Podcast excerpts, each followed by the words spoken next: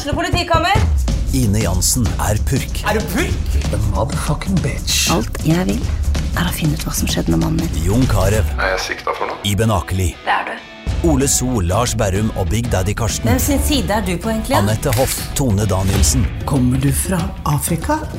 Jørnis Josef, Nesten. Kløfta. Trond Espen Seim, Det er synd å si det, men det var feil mann som døde. Purk. Premiere tirsdag på TV2 Play.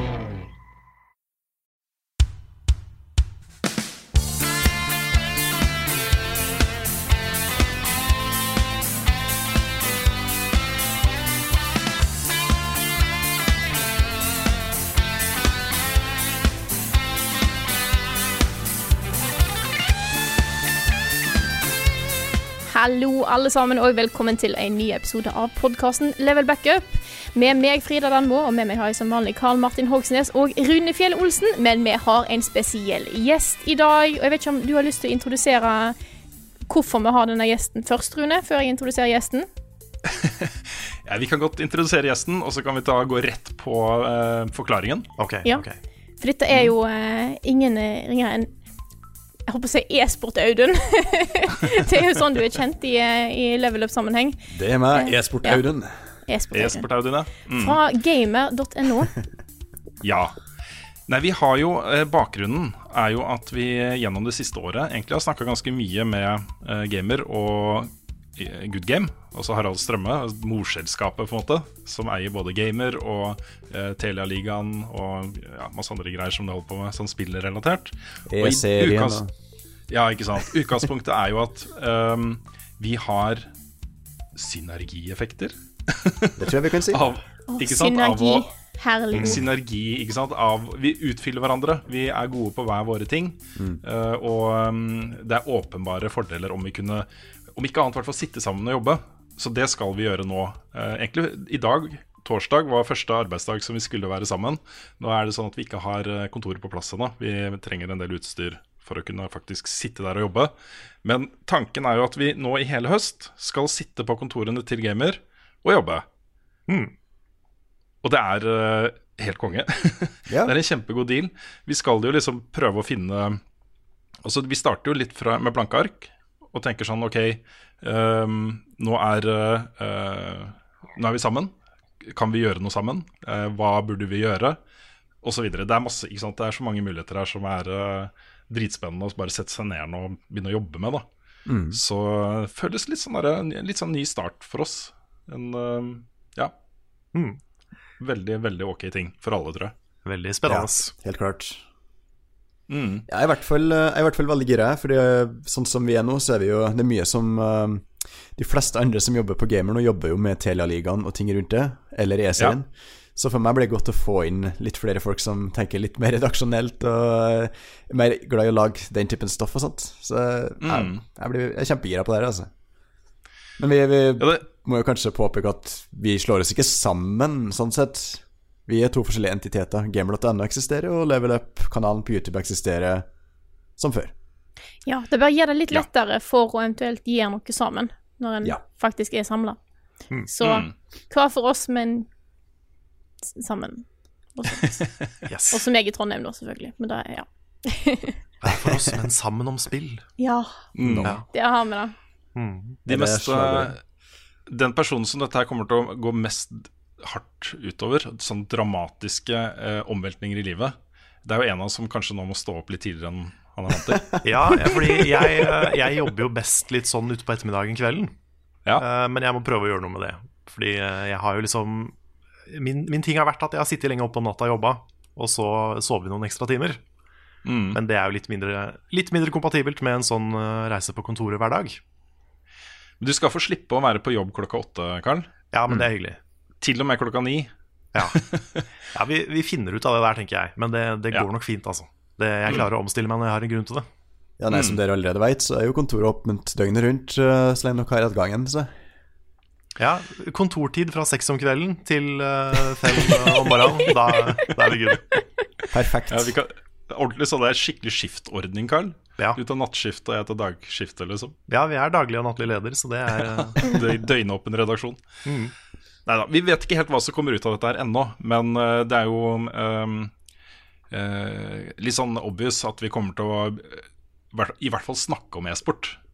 Fordi uh, vårt utgangspunkt har hele tiden vært at vi har lyst til å gjøre noe på e-sport, men vi vet at vi kan ikke sette oss ned og gjøre noe halvveis på e-sport. Vi må gjøre det skikkelig og med tyngde og kompetanse og autoritet, ikke sant. Um, og det må, det må leve godt sammen med det andre stoffet vårt. Så eh, vi kan nok ikke gjøre det som vi gjorde i VGTV-tiden, hvor du kommer inn en gang i uka, og så uh, surfer vi gjennom liksom overskriftene. Nei, det tror jeg Eh, ikke. må Da, jeg tror det er bedre hvis dere finner deres egen greie, og så heller bruker den kompetansen som sitter på bygget nå. Mm. Og så ser du sånn, fordi at jeg, jeg jobber ikke så mye med e-sport lenger, jeg heller, sånn personlig. Nei. Jeg jobber mer med å få ting ut på gamer, egentlig, og Ja. Mm. koordinere stoffet der. Ja, jeg tenker nok utgangspunktet er nok at vi skal øh, hjelpe uh, dere til å gjøre noe bra på video på uh, e-sport. Mm. Det, er, det er vel kanskje utgangspunktet. Så får vi se, da. Ja. Og Men, kanskje, kanskje, forhåpentligvis, så kan dere også hjelpe oss litt med Fifa. ja, vi får se. ja, det hadde ikke gjort noe. Nei. Dere har jo en stor og fin stab med frilansanmeldere i Gamer, Helt klart. som tar, tar det meste. ja. Så Akkurat Fifa har faktisk vært en liten sånn blindsone en liten stund, så vi får se. Oh, ja. Må Det er så litt på det. både dere og vi har Fifa som en blindsone. Ja. Men vi har jo eh, han som jobber med E-serien for oss, det er jo vår Fifa Eller Good Games sin FIFA- Fifa-turnering. han er jo Hvis vi putter penger på han, så vil nok han snakke om Fifa i to timer uten avbrudd. Det tror jeg nok helt klart. ja. Ok, det høres bra ut. Nei, men sånn som vi Sånn som vi endte opp med å gjøre det i VGTV, var jo at vi bare fikk noen ned fra eh, VG-sporten Ja. som spilte Fifa. Og så satt de bare i stolen hos oss og prata litt om Fifa. og så la vi ut videoen. Så eh, ja. Det handler egentlig bare om å få noen som har kompetansen til å kunne mene noe om det. La oss, litt på det. La oss snakke litt mer om det vi på kontoret. Jeg har noen ideer vi kanskje kan spitballe der. Vet du hva jeg tipper, eh, folkens? Dette her lukter workshop lang vei, ass. Ja, ass. Det gjør det. det, gjør det. Drodlemøte. Så ja. Nei, men vi kommer nok tilbake til, eh, til mer konkrete ting om ikke altfor lenge, tror jeg. Yes. Det er sånn eh, eh, Ja, nå setter vi i gang, og så får vi se hva som skjer. Men eh, veldig, veldig excited. Jeg syns dette her er kjempegøy og gleder meg veldig. Og ikke minst så er det bra for meg, tror jeg, å ha et sted hvor jeg kan gå liksom til og fra jobben, og det tar 20-25 minutter. At jeg får liksom bevegd på meg i 40 minutter om dagen. Ja, ja. Fordi eh, det å ha hjemmekontor, ass, man kommer seg ikke ut. Det er vanskelig. Så får du kanskje litt sol på kroppen, ikke bare ufrivillig som når du gikk til butikken. Ja, eh, i sommer. jeg vet ikke om det blir sol. Altså, for liksom bevege meg fra skygge til skygge. Ja. Nei, folk er jo veldig forskjellige på det, og noen jobber jo bedre med folk rundt seg, noen jobber best alene. Jeg er jo sånn, jeg blir jo skikkelig nedfor hvis jeg ikke ser folk på en stund. Så hvis jeg skulle Ja. hatt hjemmekontor hele tida, så hadde det skikkelig ikke funka for meg i det hele tatt, altså. Nei, samme Nei. her. Men eh, skal vi snakke litt om spill, eller? Yes. Let's, Let's do do it. that. Hva har du spilt?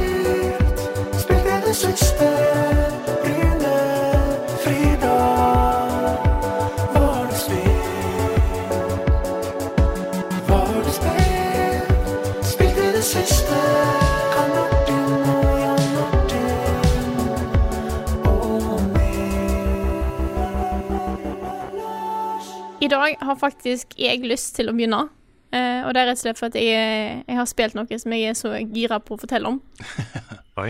Den siste uka har jeg uh, ikke bare spilt, men jeg har fullført Outer Wilds.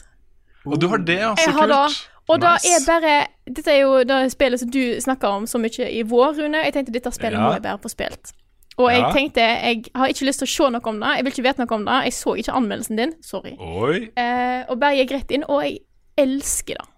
Ja, For et fantastisk også. spill som bare er en glede å utforske, og bare du får en hel Du får et helt solsystem bare for deg Mm. sjøl til å utforske, og finne eh, gammel teknologi og gamle historier, og, og det, det er altså Jeg hadde det så gøy med det spillet.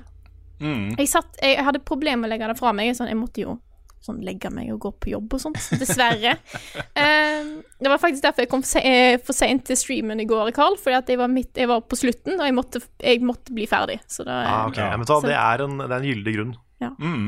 Det er Jeg hadde Det var et lite parti på midten der det var litt sånn Der jeg syns det var litt det gikk litt trått. Det var rett og slett fordi at jeg var på et par plasser der det var Det tok litt Jeg måtte gå tilbake til den planeten så og så mange ganger for å på en måte få gjort alt jeg hadde lyst til å gjøre der.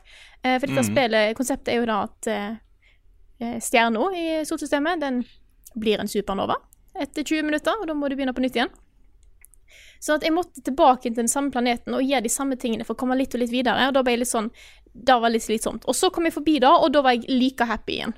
Mm. Eh, og Så jeg, jeg tror jeg gjorde Det er kanskje Det er nok et par ting jeg missa, men jeg tror jeg har gjort så godt som alt som går an til å gjøre. Fått liksom beste endingen og alt. Jeg blir glad inni hele meg å høre dette her, Frida. Ja. Jeg hadde en anelse, da, for jeg så du brukte et bilde fra Outer Wilds når du la ut Ja. eh, ønske om spørsmål til podkasten, så jeg hadde liksom en Det var det det var. Ja. Ja, ja, ja. Jeg satt og så på det liksom bare Hva er det her? Hva er det for ja, ja. For det var et hint, for det er jo jeg som legger ut de bildene, så, det, så da, da var et lite hint til det. Så jeg har lyst Jeg vil liksom bare snakke om det nå, bare for at jeg tror at det er mange som kanskje misser det. Mm, jeg Det er var- helt sikker på at det er Det mange som misser det. det. var så mange ting som kom ut samtidig. Eh, Og det, det har vært så mye store spill i år.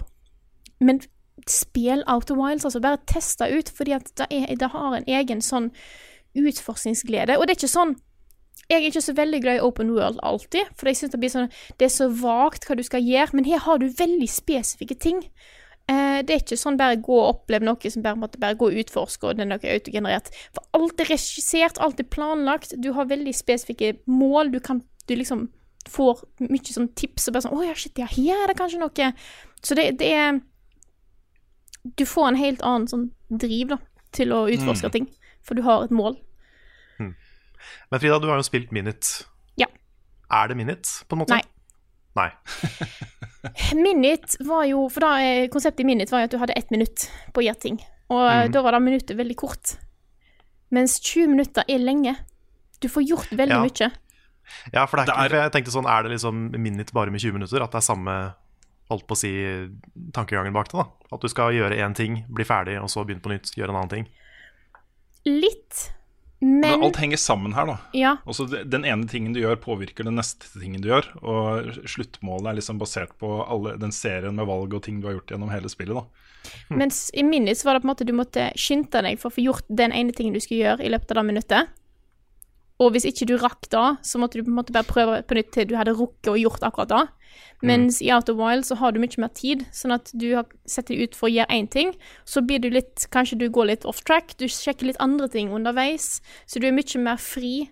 Du har veldig god tid på å gjøre den kanskje den ene tingen du har satt deg ut til å gjøre, som regel. Så Ja, okay. Noen av mine favorittøyeblikk i det spillet her er når jeg har liksom vært på en planet. Jeg vet akkurat hvorfor jeg er der, og hva jeg skulle gjøre der. Og når jeg har gjort det, så ser jeg på klokka. Ok, det har gått 17 minutter. Um, liksom gå opp da til overflaten, f.eks. hvis jeg er nede i en installasjon eller noe sånt. da Og så bare stå og vente. Vente på supernovaen. Ja, da den der, den der, Åh, det er, så, det er så storslagent, det som skjer der, liksom. Det har jeg gjort så mange eh, ganger. Enten jeg bare står på en planet og ser hva som skjer, eller så har jeg vært eh, Planetene er veldig ulikt utforma. Eh, den ene er en stor, på en, måte, en stor sjø. Hvis jeg da har vært nede i den sjøen og bare sånn, er jeg bare sånn Å, jeg har lyst til å oppleve hvor supernovaen er herfra. Så sitter jeg bare og venter, og så kommer det en musikksnutt på slutten av liksom leve, levetida til, til galaksen. Så sånn, å, nå vet jeg det snart kommer, og så ser du plutselig at da kommer det et lite smell, og bare sånn, å, nå vet jeg at sola begynner å eh, sprenge og sånne ting. Så det var det er skikkelig mange sånne kule visuelle ting som bare står, bare stå og se på solo i tre minutter. Og så ler dere og sier 'do your worst'. See you soon, I'll be back. Men jeg må si at innimellom så var jeg litt uh, frika ut av dette spillet her. For det er noen ting som er på en måte Det er ikke skummelt i det hele tatt, egentlig. Men stemningen noen plasser er litt sånn eh, Litt sånn ekkel. Og det er spesielt de tingene som hadde eh, med den ene måneden å gjøre. Mm. Det var litt Altså, det- du snakker om der, er den derre eh, Jeg får sånn derre oppriktig sånn derre sug i magen og litt sånn derre bunnløs angst Ja. av noen av de derre um, vitenskapelige prinsippene som handler om sorte hull, om tidsreiser, om sanne ting, liksom. Og her får Du er midt i det, på en måte. Også den der sekvensen i Interstellar, for eksempel, hvor de kjører gjennom det sorte hullet. Akkurat den følelsen satt jeg meg flere ganger i dette spillet her også. Den derre Oh shit, noe skjer. Yes. Åh, Så, nei, ja. så det anbefales. Det er ikke så langt eh, heller. Eh, jeg, jeg har ikke tallet på hvor mange timer jeg brukte, men eh, det er ikke sånn 40 timers opplevelse. Nei, litt sånn avhengig av hvordan du spiller det, da. Selvfølgelig. Men, Jeg tror det er sånn mellom 15 og 20 timer langt. ja, ja det høres riktig ut. Mm. Så det er en utrolig god opplevelse. Eh, Og det er Når jeg sier at det var litt sånn Det gikk litt trått noen tidspunkt, så var det aldri kjedelig. Det var bare det at jeg Det var bare et lite sekven... Lite liten sekvens der jeg bare på en måte Jeg tror jeg var litt usikker på akkurat hva jeg skulle gjøre, det ble litt sånn Følte jeg vandra litt. Men så var det alt. Alt annet var bare perfect. Ja, men jeg tror det er den ene tingen som man kan uh, sette fingeren på og være litt eh, enten ikke uenig, kanskje, men de har tatt et designvalg her fordi uh, den derre utforskingen Det å ikke akkurat nøyaktig vite akkurat hva du skal gjøre, men ha et hint, liksom, en viss formening om hva du skal gjøre, og så liksom oppdage hva du faktisk skal gjøre på egen hånd. Eh, designprinsippet er at det skal du gjøre, liksom. Også, mm. Du skal gjøre det på den måten. Du skal ikke ha en marker som, som er på kartet på en eller annen planet et stykke unna, liksom. Men bare gå hit og gjør det. Eh, For da hadde du tatt bort ganske mye av den der feelingen du får fra spillet. Men det er den ene tingen som gjorde meg litt frustrert også når jeg spilte dette her. For det var liksom sånn Ja, det er en maskin her, den går rundt, og jeg flytter på ting, men hva eh, konsekvensen av det? Hva er det for noe, egentlig? Jeg var, en, jeg var en gang jeg, Det siste ting jeg skal si før vi kan gå videre, for nå eh, jeg vil ikke snakke altfor lenge om dette nødvendigvis. Men jeg var en gang på en Jeg hadde kommet til en plass, eller kommet til en ene gamle by, eh, ruinen av en by. Uh, og jeg liksom jobba meg der til, og så kom jeg inn i et lite skip, så var det bare sånn Å, kult! Her er et lite skip, og så trykker jeg på en knapp, og så ble jeg skutt av gårde. Jeg var sånn, Men i svarte! Jeg har brukt så lang tid på å komme meg her til, nå har jeg bare skutt meg sjøl av planeten. Så måtte jeg gjøre det på nytt igjen. Og det er sånn OK. Ja. Det høres jo litt ut sånn som spill som Myst, og Mm. kanskje The Witness til en viss grad. mm. Litt sånn samme kategori som det, ikke det? Jo da, de har fellestrekk. Um, men, uh, men jeg vil jo si at liksom storyen er mer fokusert her. Altså Det er Ja. en veldig klar story og en klar funksjon du har i dette universet. Som ikke er skjult, liksom. Den blir åpenbar. Veldig, Hva du gjør, tydelig. eller hvorfor du gjør det. Ja, ok. Ja, for det har ikke The Witness. Nei, Nei, det ikke mist heller. Nei. Så det er Men, eh, kjempetydelig historie, eh, og du får på en måte etter hvert som du løser Nei, du får tak i nye på en måte eh, hint til hva som har skjedd, og hva som på en måte er historien her. Så har du en egen sånn derre en logg der alt er veldig visuelt fint representert eller vist fram. Det er veldig ordentlig, det er veldig lett å se hva du har funnet ut, hva er det du mangler, og hvor er det du kan finne hintene, da. Så det, det, det er veldig tydelig historie her. Ja, jeg har uh, Litt artig at du skulle si akkurat det spillet, for det har jeg nylig begynt på. Så jeg har spilt kanskje en, uh, en times tid. Uh, men jeg har faktisk ikke greid å komme til en 20-minuttersmarkeren ennå. Jeg greide å dø på egen hånd av oksygenmangel. Åh! Ja, men Det Men det- skjedde det- meg første gang også, Audun. Jeg Ja. jeg fikk det romskipet av gårde, peisa ut i verdensrommet, skulle lande på en planet, men isteden så kjørte jeg bare rett inn i planeten. Ja. Eh, Den ble delt i to. Jeg svevde bare av gårde fra skipet og bare venta på at oksygenet gikk, gikk tomt. Det var min første, første syklus i det spillet. Ja, for jeg, jeg landa på månen først, den første månen som er like ved planeten, og så Ja. snakka med han personen som er der. Og så gikk jeg videre til neste planet, men den er et litt sånn masse hull i den, og midt i planeten så er et svart hull. Ja. Brittle Hollow. Og, ja, sikkert. Og da falt jeg gjennom det hullet. og så Jeg vet ikke om det er en spoiler å si hva som skjer da, men eh, svarte hull er jo portaler til andre steder. og da var det sånn Ok, ja, jeg mm. I spillet, i hvert fall. Da er det, det er ikke ja, ja. helt sånn satt Ja, men ja. Mm. Eller vi, vi vet ikke på ordentlig da, Frida, men ja, ja. Kanskje, kanskje det. Ja. Mm. En teori. Ja. Ja. Men Hypotese. Jeg er veldig gira på å spille det videre. Jeg syns den effekten når du lagrer spillet, er ganske kul, for da ser du liksom det du har gjort i, um, i hurtigfilm. Det bare sporer liksom tilbake, ikke sant? Ja. Det, det er ganske fascinerende. Ja, Det er også morsomt, fordi hver gang du starter på nytt, så, så starter du på samme sted. Og det er liksom ved rampen opp til romskipet, hvor det sitter en fyr ved et bål. Som ikke vet at du har vært der før, men du vet jo det. Så de samtalene du har med han, de blir særere og særere. Det er kjempemorsomt, altså. Så jeg anbefaler folk å liksom Ta deg tid til å snakke med han en del ganger, i hvert fall. Etter hvert så går han litt tom for nye ting å si, men uh, i hvert fall de første ti syklusene så er det uh, mye nytt da, og veldig gøy. Så det er, den, det er den filmen med Adam Sandler. Der er det 50 First Dates den heter, eller noe sånt. Ja, jeg har sett den, men jeg husker ingenting om den. Så Nei. Det er mulig den heter det, jeg husker ikke. Men det handler jo om det at liksom, han husker, men de andre husker ikke. ja, da ville jeg heller sagt Day. Groundhog Day. Ja. Ja, det er selvfølgelig bedre. Ja. Ja. Edge of Tomorrow. Ja, ikke sant. Nei, skal vi gå videre? Nå har jeg tatt opp veldig mye tid med mitt, eh, mitt spill. Nå er jeg, nå er jeg fornøyd. Yes. Det er det nest, nest beste spillet som har kommet ut i år, Frida, så det er greit å bruke litt tid på det. Jeg skjønner at jeg må sjekke ut dette her. Yes. Mm. Må ha spilt det før, før året er over. Yes. Yes. Hvem har lyst til å fortsette? Gjesten vår, kanskje? Audun, har du lyst til å ta over? Jeg kan snakke litt om uh, hva jeg har spilt, ja. Eh, faktisk ikke så mye nytt. Jeg har fokusert veldig mye på League of Legends i sommer, fordi uh, Jeg har jo spilt det spillet siden det ble lansert i 2009, ti år siden nå. Og, men så har jeg hatt en pause noen år nå, og så skulle jeg Det er et sånt rangeringssystem i det spillet der du spiller rangerte kamper, og så havner du i en divisjon, ikke sant, og så spiller jeg opp eller ned basert på hvor bra du gjør det.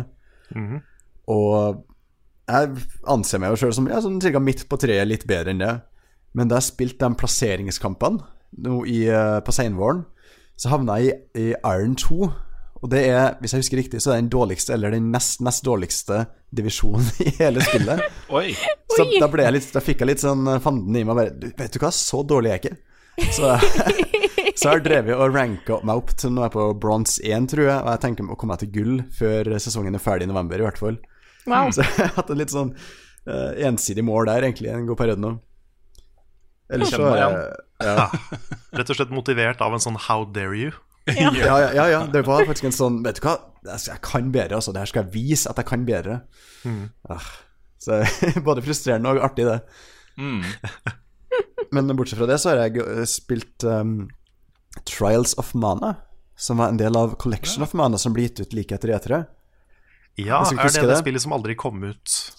Trials of Mana er det eh, spillet som sånne raringer som jeg kjenner som Seiken Densetsu 3. Stemmer.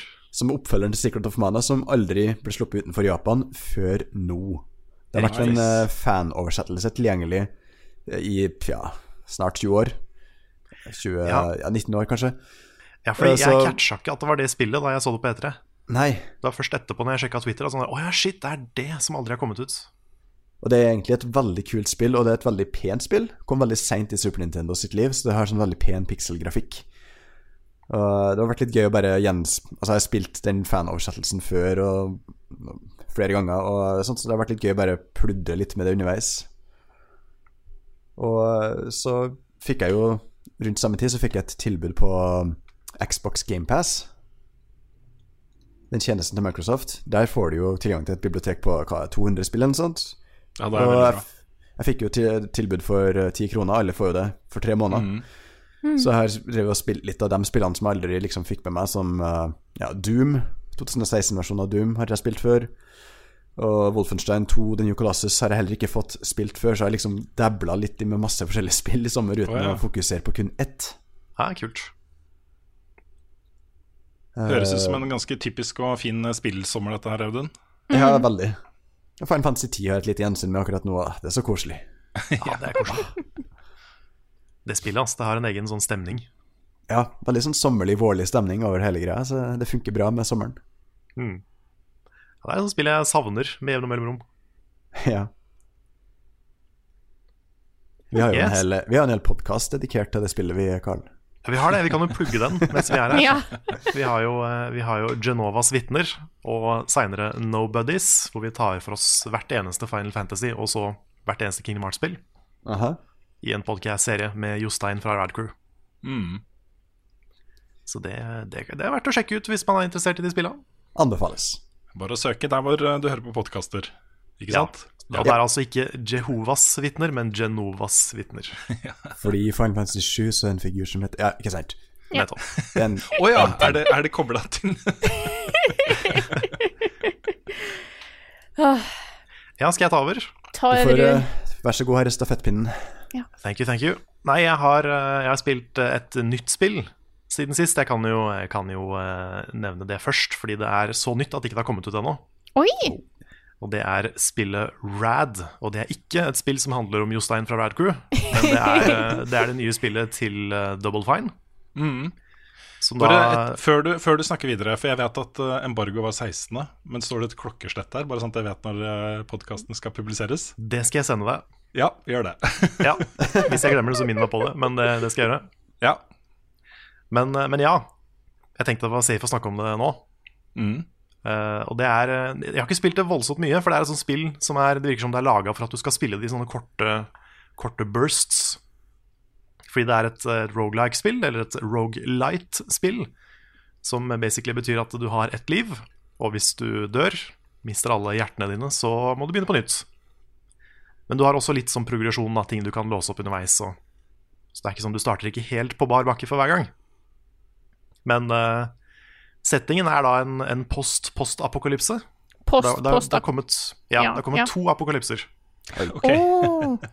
Så den, den første skjedde, og så skjedde det enda en. ja. på en måte. Og, og det er da en veldig sånn eh, kul 80-talls-vibe på hele spillet. Det er selvfølgelig derfor det heter RAD, ja. og, eh, som også betyr radiasjon, som det også handler om. ikke sant? Så det er sånn double meaning. Radiasjon er jeg usikker på om er et ord på norsk. Ja, hva sier man på norsk? Stråling. Stråling, sier man. Men det, er ikke, det kan du ikke kalle RAD. Strål. Strå. Strål. Det, det nye spillet til Double Fine. Strål. Strå. Strå. Ja. Ja. Nei, men du, du velger da en character på starten uh, som du uh, setter ut på en liten reise med, og du må uh, det, det er et veldig enkelt system. Det er sånn isometrisk top down-stil. Og du løper rundt og slår fiender og samler ting og åpner opp dører til bosser og nye, nye levels og sånn. Eh, men det som er gameplay-twisten, da, det er det at du kan eh, samle opp stråling. Nå sa jeg ikke radiasjon, nå sa jeg stråling. Ja, flink. Um, og hvis du får nok, eh, så dør du ikke, men isteden så muterer du. Å, herlig. Det er sånn det er. Ja, og da blir du liksom til et sånn monster, nesten. Så for eksempel så kan du få en hale som gjør at du kan begynne å legge egg. Og de egga klekker det sånne små monstre ut av, som hjelper deg å slåss. Så du får, liksom, du får litt mer variasjon og litt mer dybde i kampsystemet eh, når, du, når du unlocker de, da. Mm. Men eh, jeg har ikke lyst til å si så mye om, om hva jeg syns ennå, fordi jeg har ikke helt klart å komme meg inn i spillet, før jeg. Det er sånn Det er mulig jeg har blitt litt ødelagt av Dead Cells, fordi i den sjangeren der så er det ingen spill som er så kjappe og responsive og gøy som Dead Cells. Så jeg, jeg sliter litt med å liksom finne, finne gleden i det. Men jeg vet ikke om det er bare fordi jeg ikke har, eh, ikke har tatt det dypdykket ordentlig ennå. Men, eh, men nei, det er, det er noe der, altså. Det er en kul visuell stil. Jeg liker stemninga. Humoren er litt sånn opp og ned.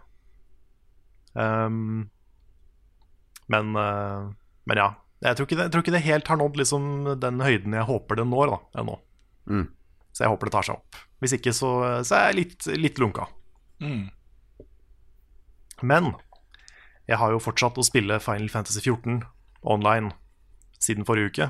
Mhm. Og nå har jeg for første gang catcha opp med spillet, med main storyen. Wow. Alle Og det DLC-er er- og alt. Alle delsider og alt. Jeg har ikke spilt alle raida og sånn, for de er det ganske mange av. Men jeg, har, eh, liksom, jeg er nå på slutten av main storyen. Nå står det bare 'to be continued', Oh. og det har det aldri gjort før. Så det er sånn yes, I made it. Wow. Hvor, eh, hvor, mange, hvor mange timer tror du det vil eh, kreve? Det krever en sommer. Ja. Det, det gjør det. det. Jeg er ikke sikker på hvor mange timer, fordi jeg spilte Da jeg, da jeg starta det igjen nå, så var det tre år siden sist. Mm. Eller to år siden sist, noe sånt. Og da hadde jeg spilt i 250 timer til sammen. Men det var jo ikke bare main story, det var mye annet òg. Ja. Men nå har jeg et par hundre timer til, eh, og har catcha opp, da. Hvordan er, er jo- Sorry, sorry. yeah. Nei, det er bare fortsatt. Hvordan er storyen i Shadowbringers, den nyeste expansion-pakken? Den er bra. er veldig bra. Yeah. Den, eh, jeg syns den første storyen, det aller første, ble litt tung. Veldig sånn wordy. Det er til og med en, en character som, som er kjent for at han forteller ting med altfor mange ord. og hele spillet var veldig sånn. Så jeg sleit med å på en måte bli investert i det. da Mm. Men jeg syns Heaven Sword og Stormblood og Shadowbringers har vært mye, mye mye bedre. Mm. Det er altså Heaven Sword er en historie om en krig mellom liksom mennesker og drager. Hvor du skal liksom prøve å skape fred da mellom de to. Og så er det masse sånn Game of Thrones-politikk og masse sånne ting som skjer inni der, som er ganske spennende. Og det, det er en mye mer sånn personlighetsstyrt historie. da Så du får litt det der forholdet til karakterene som ikke, du fikk, eller som ikke jeg følte jeg fikk da i første, i første storyen. Ja. Nei, det er jo ofte det jeg hører når folk snakker om Final Fantasy 14, er det at ja, Realm Reborn har ikke holdt seg så bra historiemessig, men etterpå det så tar det, blir det helt bananas godt, liksom. Ja, ja, det tar seg så voldsomt opp. Ja. Og det, er, det har blitt en sånn typisk Final Fantasy-historie som, som er ordentlig engasjerende. da. Og den, Ja. den har liksom ikke Den er bedre enn Final Fantasy Stories har vært på lenge, syns jeg. Oi. Det Ja. Sånn siden 9-10, liksom.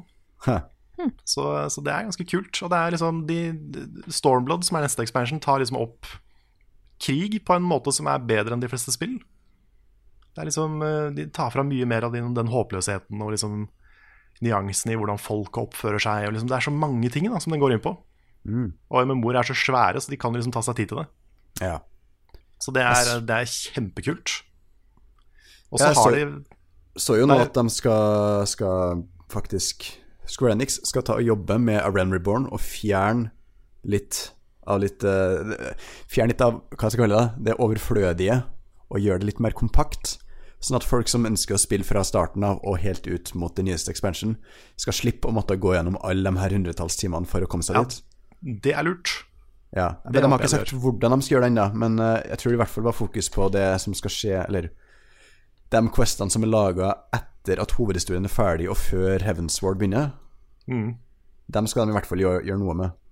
Så Ja, jeg fordi- vurderer jo faktisk å hoppe inn etter hvert, hvis det blir gjort sånne endringer. Det er kult. Da er du hjertelig velkommen til The Nights of Billeba, Audun. Hvis du Jeg skal reppe Nights of Billeba som bare det. Nice. nice. Nei, for Problemet med de questene, for det er den tyngste delen av spillet Uh, Fordi da er du stuck på level 50. Du kan ikke levele noe mer. Og du må liksom bare gjøre de questene for å komme til expansion. da Mm. Og det er jo to år med patcher som har masse story content i seg. Så da, da føler man seg litt sånn stuck. uh, og det er noen tunge timer. Ja. Men uh, kommer man gjennom det, det er da spillet blir ordentlig bra. og så er eh, både Stormblood og Shadowbringers er veldig sånn Den nailer den der følelsen av masse forskjellige typer mennesker kommer sammen for å liksom slåss mot the bad guys. Som er ordentlig bad. Det er, sånn, det, er, det er sånne bad guys du virkelig hater. Og så har du noen som er litt sånn Du forstår dem, men de er veldig misguided. Så du har mange forskjellige typer bad guys, og alle sammen funker veldig bra. Som også har vært ganske dårlig før. Ja. Så nei, de har bare, de har bare virkelig naila det, altså, med de expansionsa. Herlig. Det er, eh, det er dritbra. Ikke minst så hadde vi en stream i går, som var en av de morsomste streamene vi har hatt. Ah, Jeg tror da, da Frida kom inn, så var vi midt i voicing av en cutscene. Jeg skjønte ikke en dritt av hva som foregikk. Jeg lurte på om, om Svendsen hadde blitt gal. For det var, Ja. det, var, det var så mye som han sa som ikke ga mening. Ja, fordi dette er jo basert på en sånn tre år gammel internvits. Hvor, eh, hvor vi ble så lei av å voice cutscenes at vi begynte å liksom oversette de til norsk. Og, og gi karakterene dialekter og mye forskjellig. Så eh, jeg tror idet Frida hoppa inn på Discord, så var Svendsen midt i en sånn derre Ja, alt er til venstre, så må du bare forsikre Et eller annet sånt. Ja. Så det Nei, det var, det var morsomt. Det var, det var veldig gøy. Så var vi åtte stykker som raida sammen. Kult. Det var dritgøy. Så eh, takk til alle som var med i går. Altså. Det var veldig, veldig kos. Mm. Da kan jeg Jeg kan sikkert snakke mer om Final Fantasy 14 seinere, men eh, jeg får la, jeg får la resten eh, Resten ta ordet. Ja. Eller det vil si Rune ja. ta ordet. Um, jeg har uh, lyst til å begynne med en ting som um, jeg ikke har lyst til å lage noen stor diskusjon av. Bare, det er viktig for meg å få sagt dette her. Fordi jeg har, um, og så skal jeg gå videre. Jeg har nå sett uh, nye Lion King. Og uh, for en Jeg vil bare få sagt For en meningsløs utgivelse det der var. Hvorfor lagde de den filmen? Og så, Jeg elsker Lion King, originalen. Og det de har gjort, de har tatt hele, altså Det er jo samme story, samme rollefigurer, mye av samme dialogen, eh, noe av samme musikken. Eh, lagt til litt musikk og sånt. Men de har bare gjort alt utrolig mye døllere. Fjerna alt Altså de derre eh, høydepunktene i historien. Den, eh, jeg trenger ikke å si hva som skjer, da, men altså, det er jo noen helt åpenbare høydepunkt. Også, Jeg tror det er lov å spoile 'Løvenes konge' nå. Kanskje, jeg, Jeg vet ikke. det Den går jo på kino, Den går på Ja. kino nå, jeg vet Ja, ikke. Men noen av de høydepunktene i tegnefilmen, så er jo de utrolig dramatiske. Og sånn ordentlig punch, ikke sant. Og her er det bare sånn. Ja, så skjedde det. Og så går vi videre. Det går rett og slett på at du kan ikke få de samme ansiktsuttrykkene når du skal prøve å gi ting naturtro, som du kan få Nei, når du nei. kan lage ting tegnefilm. Nei, fordi det er jo det som er Christ. bra med animasjon. Ja, Det er det at du Det kan det- gjøre det så uttrykksfullt. Ja. det er akkurat da. Ja, det var min Nei, så jeg har, jeg har jo en mistanke da om at de har innsett det også en eller annen gang i, ganske tidlig i utviklingen der. Skjønt at vet du hva, dette er ikke like bra som originalen. da er det bare i gang de må lage for. Jeg, ja, jeg ville bare få Det en sagt det. tech-demo. Ja, du kan, du kan se på det som en, som en veldig imponerende tech-demo. Det Ja, ikke sant. Det, det går an. Og da er det lov å bli litt imponert. Jeg har ikke sett filmen, jeg bare sier det. Jeg er sånn som kritisk uten å ha sett den. Greit. Men jeg, jeg, jeg må også si at det de gjorde med Be Prepared, det burde vært straff for. ja, det er ikke lov. Det er ikke lov. Nei, det er, det er ikke lov. Be prepared. Be Åh, prepared. jeg så for meg, i og med at uh, dette her var en uh, CGI-film, ikke sant Den der scenen hvor uh, Nala og Simba treffer hverandre igjen. Det hadde vært så kult hvis de liksom bare Inni der så står de og jokker oppå fjelltoppen og sånn. Du vil rett og slett ha altså, At Simba og Nala bare stopper opp i filmen for å bange. Ikke sant? Det hadde, Ja, vært, det hadde vært så gøy. Uh, Da måtte jeg le litt for meg selv av det. Det hadde vært Ja. kult hvis de gjorde det. Og så kommer David Attenborough inn og sier Here yeah. see the lions in their natural habitat. Ah, det hadde vært herlig. Yes. Greit. Det jeg har spilt, da, eh, som er nytt, er eh, No Man's Sky Beyond. Eh, det var en sånn eh, festlig liten eh, seanse i går ettermiddag, onsdag ettermiddag, hvor det skulle bli lansert. Og det ble lansert på PlayStation og Xbox, men ikke på Steam. Og jeg skulle jo spille det på PC. Så folk satt der bare refresha, refresha, refresha. Og Sean Murray måtte til slutt bare si Kan dere være så snill å slutte å refreshe siden vår nå, for vi må få posta patch notes og lasta opp fila til Steam. De fikk ikke til det, da. Uff Så, men det, det kom ut til slutt, og jeg har eh, spilt det. Og det som er litt, uh, har vært interessant med det spillet uh, tidligere, er jo at hvis det har gått litt tid mellom hver gang du har uh, spilt det, så har du jo hele også Alle planetene har jo endra biomes. planteliv, dyreliv, alt liksom er nytt. da Så enebasen som jeg hadde Nå skjedde jo ikke det denne gangen. Det var ikke noe reset av verden i seg selv. Eh, Men det er såpass lenge siden eh, jeg har spilt det, at eh, når jeg gikk inn på den ene basen min, som var på en sånn utrolig kul, livløs måne, hvor det var ingenting, liksom Der var det jo gress, og det så jo ikke ut i måneder siden. Det var bare kjipt.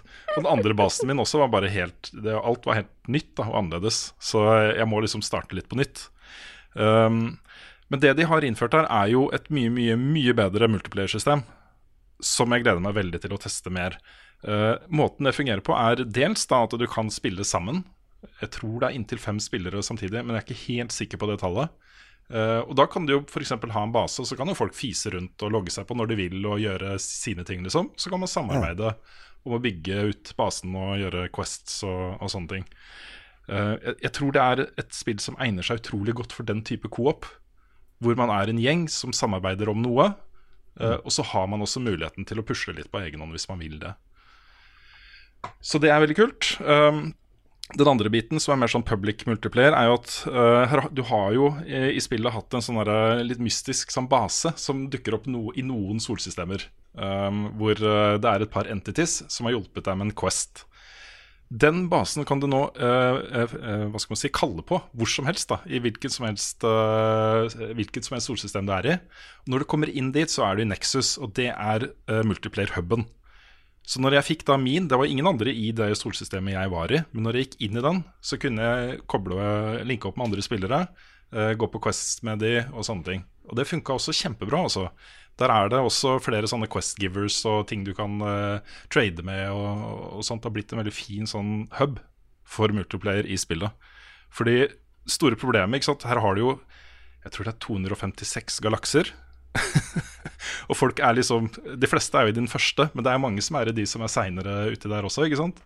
Eh, du har 18 trillioner Trillion? 18 trillions, jeg vet ikke hva det er på norsk. Trillion? Hva er 18 trillioner? Åh, jeg husker ikke tallene oppi der. Ja, det er altså, uendelig. Du kan, du kan spille det i 200 timer og aldri støte på en eneste annen person, liksom. Fordi det er så svært, ikke sant. Så det at de har gjort, gitt deg den muligheten, er veldig bra. Og så har de jo utvida basebyggingssystemet voldsomt. eh, Og det er det jeg syns er morsomst her. For nå, eh, en tidligere oppdatering så fikk du undervannsbaser og mulighet til å bygge under vann.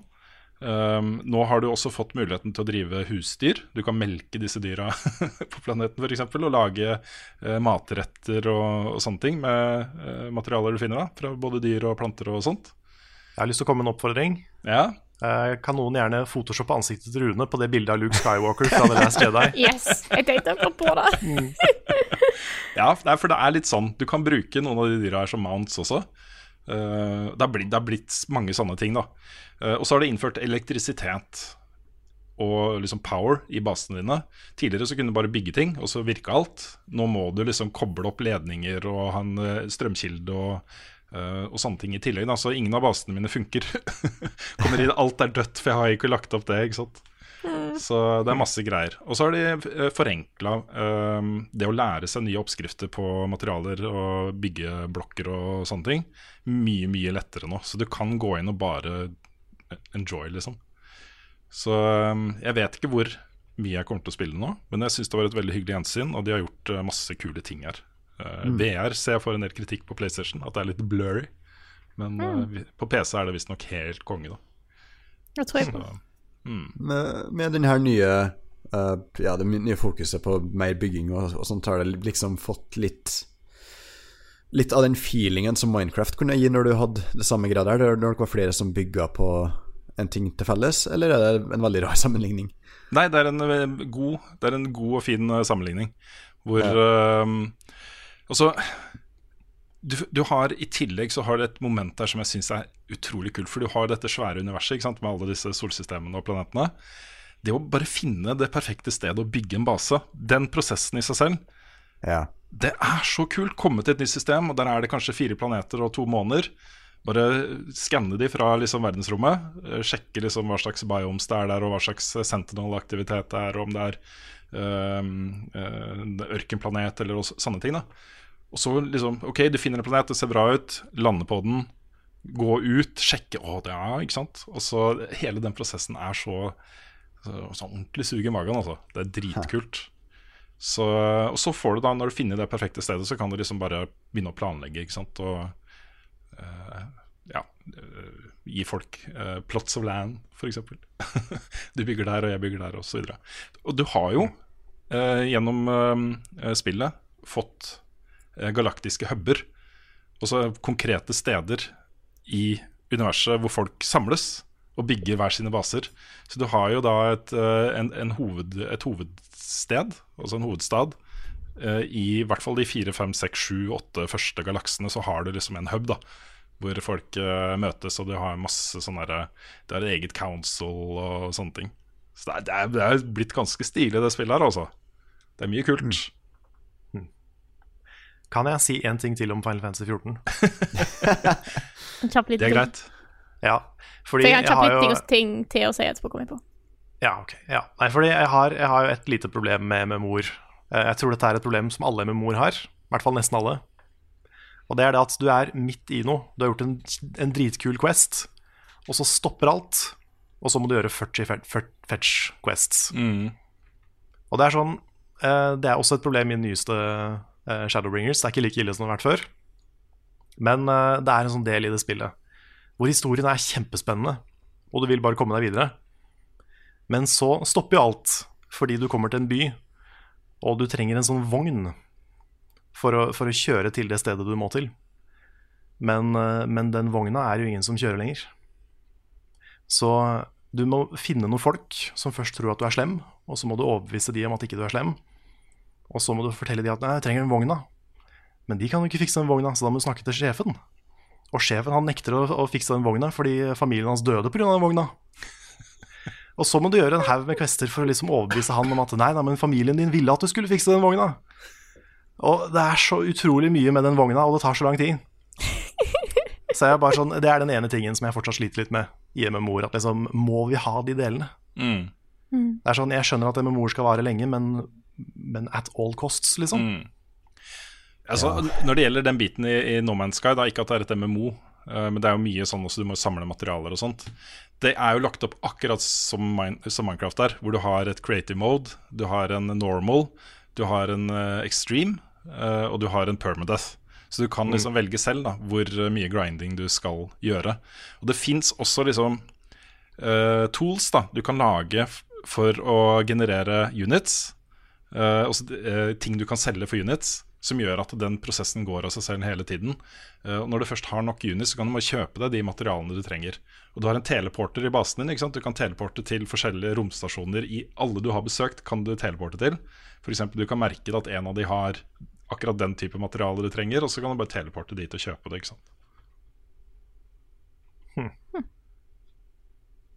Da har jeg en liten ting som jeg kom på, som jeg skulle snakke om i stad, men som jeg glemte. Fordi jeg, jeg spilte spill til, vet du jeg har spilt Jeg hadde jo eh, Jeg begynte på jobb nå på mandag, så i helga spilte jeg mye greier. For jeg spilte noe som jeg hadde lyst til å spille i sommer, som jeg hadde tenkt å gi Egentlig hadde tenkt å gjøre noe på. Det er Sea of Solitude. Jeg, Ja. ikke, jeg skal ikke snakke så lenge om det, for jeg har ikke spilt det så lenge. Eh, men jeg begynte på det, og dette er jo det spillet som handler om eh, et eller annet depresjon. Eh, du er en karakter som er en, en, en måte en sånn derre eh, by langs sjøen, og det er masse vann, og der er det et monster. Eh, men jeg har ikke spilt det så lenge, fordi det, det var altså så kjedelig. Å ja. Du hva? Og det er litt sånn Jeg vil, jeg vil liksom bare få, eh, få snakke om det, for det er et spill jeg snakker mye om Mm. Eh, det står kult ut på E3 og sånne ting. Og det ser kjempebra ut. Eh, og jeg skjønner konseptet og hva, de, hva personen her vil fram til. Eh, men jeg syns writinga er litt eh, Litt Ikke så erfaren. Mm. Det føles litt som eh, det, det er på høyere nivå, men det føles som en videregående skoletekst i dag. At måte, jeg skjønner alt. Det er ingen underliggende ting her som jeg ikke forstår Mm. med en gang jeg starter spillet og ser det. Så det er veldig sånn du, De prøver å pushe det temaet veldig opp i trynet på deg, men at det skal fortsatt virke litt vagt, men det er det ikke. Mm. Eh, så Jeg skjønner akkurat hva du mener jeg- der. Mm. Så jeg tror dette er et eh, Dette er noe veldig sånn eh, personlig prosjekt for de som har lagd det. Eh, men jeg, har, jeg klarer ikke å komme inn i det. Jeg klarer ikke å få en connection, for det er på en måte Det, det er for Det er for tydelig. Eh, så selv om det er spill som sikkert kanskje ville Som jeg tror hadde vært veldig meg, men så tror jeg det mangler fortsatt litt Jeg tror det mangler rett og slett litt erfaring for å få det bra. Så jeg ville bare på en måte nevne det, siden jeg har snakka mye om det. Og jeg var veldig gira på det på forhånd. Så det var derfor jeg eh, tenkte jeg skulle teste noe annet, og da kom jeg inn på Outer Wilds, og så ble jeg stuck der. Så det var egentlig Det var en fin sånn fra noe som, jeg, som var litt kjedelig, til noe som ikke var kjedelig i det hele tatt.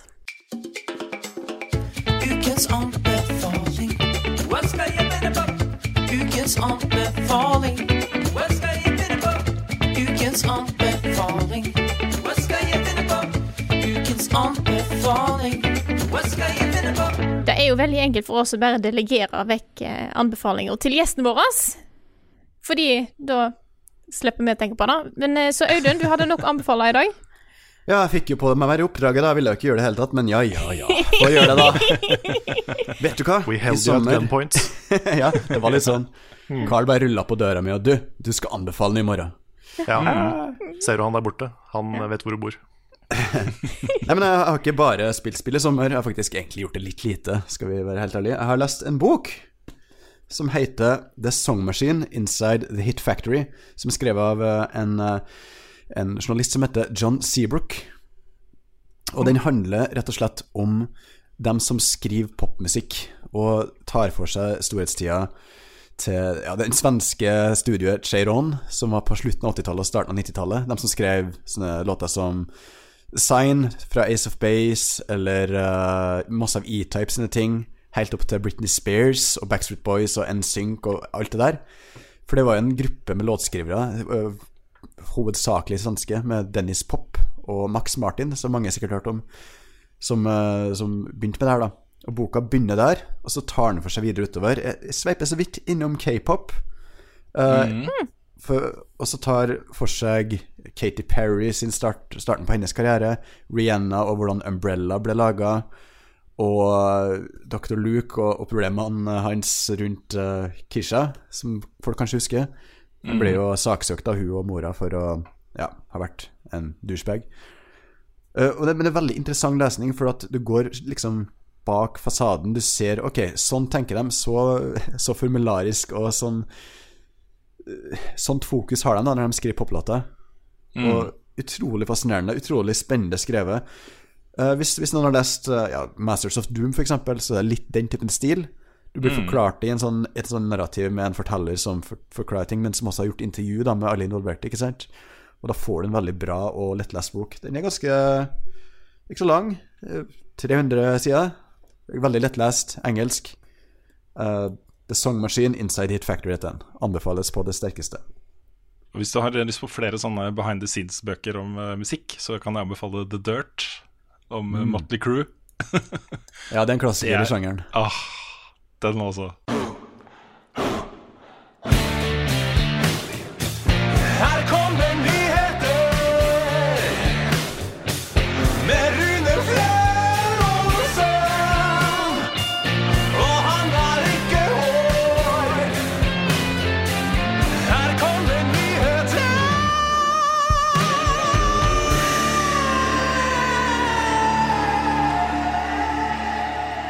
Av de tingene vi snakket om i starten var at vi kanskje skal begynne å se litt mer på e-sport. Så jeg tenkte i dag kan vi da starte med en stor og saftig norsk e-sportnyhet.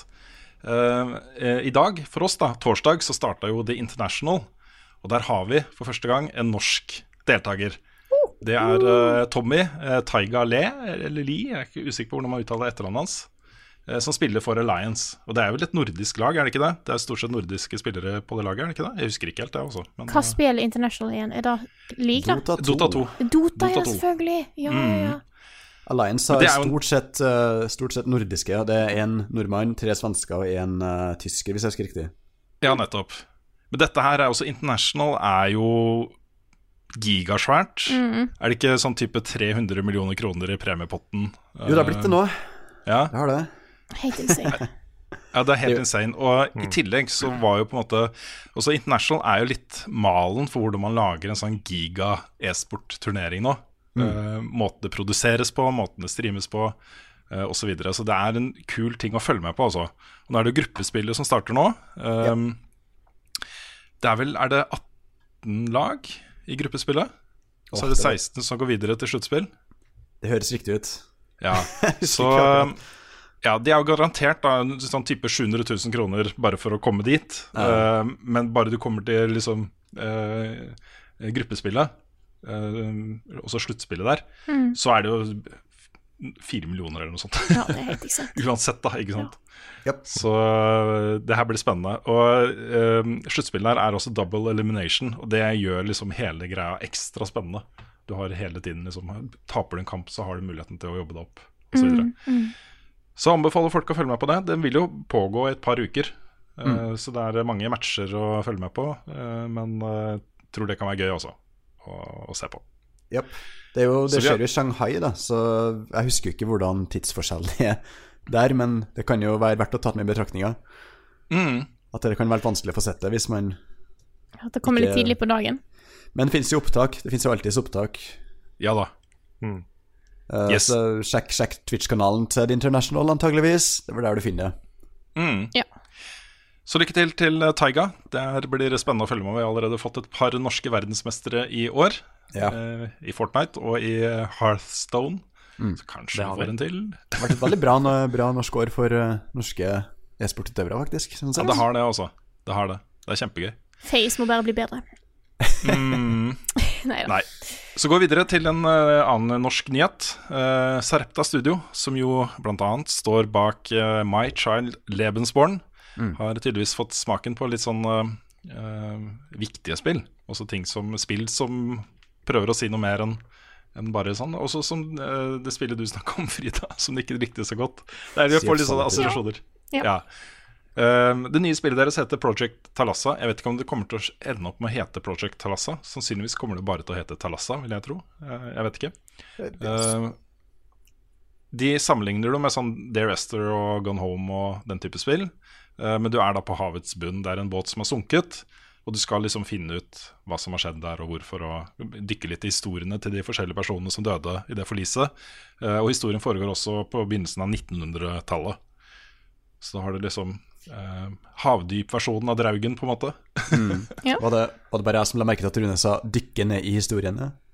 Hei! Han har, han har til og med brukt den i, i spilluka.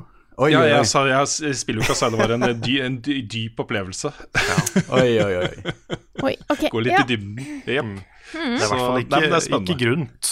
Nei, du Nei, det blir spennende. Nei, De har jo fokusert på sånne De har, har en uttalt um, et uttalt mål om å lage den typen spill som går litt under overflaten og tar for seg tema som kanskje ikke alle andre gjør. Så det blir veldig spennende å se hva de leverer her nå. Ja, det gjør virkelig det også. Og um, det er jo litt sånn med, med disse små norske teamene vi har, som etter hvert har fått en del erfaring og blitt flinkere og fått litt internasjonal anerkjennelse og hatt noen sånn OK salgstall og sånne ting, at de ikke prøver å um, gape over for mye for fort. Ja. Eh, Da må man liksom finne måter hvordan kan vi Hvordan kan vi allikevel lage ting som gjør at vi skiller oss ut, og at vi um, ikke blir bare én i mengden. Og da er nettopp det å på en måte satse på ting som Hvor de her da samarbeider med terapeuter og psykologer og sånne ting um, for å lage en opplevelse som uh, går litt dypere. det, det, er på en måte Det kan bli en styrke da for, uh, for et uh, lite norsk team. Helt klart. Og det høres jo litt ut som de uh, vader i samme vann som, uh, som Hellblade, Senna Sacrifice. Med tanke Det er så Ja, mye ikke her nå at jeg vet ikke hvor jeg skal Ja. gjøre av meg, men det er greit. Det er i hvert fall ikke noe hvileskjær. Ja, herregud. Oi. Ja. Nei, men jeg er Beklager, å det. avbryte deg. Og jeg tror Rune har helt, helt rett i at norske teamene begynner å bli flinkere til å eh, hva skal jeg kalle det, begrense prosjektene sine. Jeg, tror, jeg tror man lærte mye på Owlboy og, um, og Among the Sleep, som begge var to spill som brukte ganske lang tid på å bli ferdigstilt. Mm, helt sant. Så det virker som det hele, hele norske bransjen har på en måte hørt på når når eh, Joremi har hatt foredrag om det her, det her er ting vi gjorde feil, ikke gjør den her feilen. Ja. Kan man, kan man si at appellen er bred? Nei. Nei. liksom avslutte med den dårligste. Ja. Ja, det var det, det, var det Å ja, dårligste. å ja, Ja, sånn det. ja. ja. Ja. Mm. Som en isbre. ja. Nei, det, nå, ja, nå reacher du her, Karl. Jeg veit det. Jeg tenkte jeg skulle drepe den. ja. Ja, Den var, den den var, litt, den var litt for grunn, Karl. Kan ikke Det var det. det, var det. Ja, den er død. Nei, men uh, det, som, øh, det som er spennende Dette har jeg sagt i mange år, da. Men uh, hvis du sammenligner den norske spillindustrien med den svenske og den danske, så er det, og den finske, så er den store forskjellen er jo også, I Norge har vi jo Funcom. Men de er liksom ikke Dice, på en måte. De har ikke fått den der internasjonale mega-blockbuster-kjempegreia som har gjort at de kan ansette 2000 mennesker.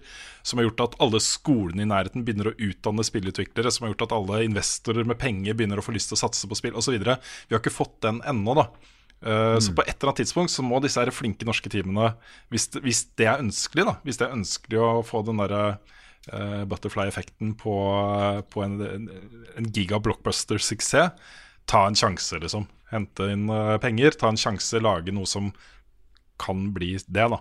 Fordi det er uten tvil Det har hatt utrolig mye å si, suksessen til Battlefield 1942 uh, og Dice, for den svenske spillindustrien. Og se hvor den er i dag, liksom. Det er eh, sjukt. Ja, det er jo Avalanche òg er gjør det jo bra i Sverige for tida, så Mm. Ja, for ut fra, ut fra suksessen med Battlefield 1942 så fikk du jo Starbreeze og Avalanche og masse greier, liksom. ja. Eh, så ja, greit. Samtidig- Vi går videre. Ja, bare én ting. Men samtidig så er jeg jo litt glad for at uh, vi har en sånn veldig tydelig norsk identitet i spill akkurat nå. Det er veldig mye bra, små, gjerne emosjonelt lada spill, hvis vi kan kalle det det, da, som har vært fokuset. Og det er kanskje litt arven til Ragnar Tørnquist, hvis man skal eh, prøve å trekke noen linjer her, som sørg- har sørga for det. Det er, veldig gøy å se. Men jeg tror som, som du, da, at hvis man hvis man vil få et sånn svært miljø rundt det, så må man ta et større grep. Og ja, etter at Funcom ikke fikk det til med Konan og Secret World, så ja, vi får se. Det er uh, viktig å ikke bli scuba vekk. Ok. Du sa den var død, du, Carl. Jeg gjorde det, men jeg videre, måtte- jeg måtte Er det, er, det, er, er det jeg eller du som er dad her? Kan, kan det vi er- sparke Carl fra samtalen? Eh, Siste podkast. Ja, ja. Nei, vi går, vi går videre til eh, Apex Legends. Ja. Med både hyggelige og ikke fullt så hyggelige nyheter. Ja. Eh, det nye Iron Crown Collection-eventet som de har gå- pågående nå, har jo introdusert eh, enmannsrunder.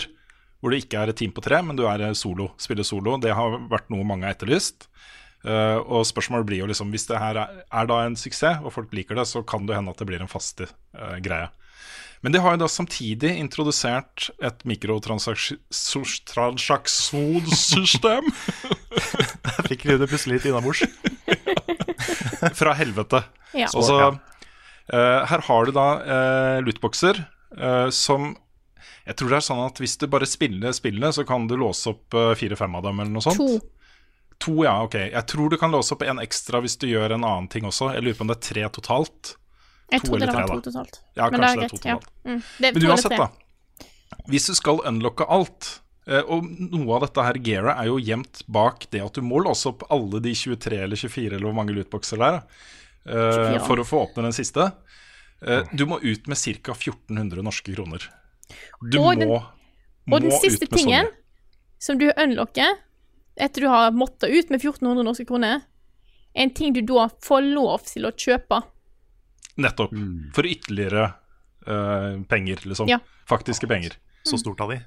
Ja, så stort av de. Og det er en øks, da. Det er den liksom uh, Sånne ting som folk har lyst på, liksom. Men Jesus Christ, også 1400 kroner. Det er uh, mye penger, altså. For det er ingen måte å få tak i disse lootboxene på in game uten å kjøpe de.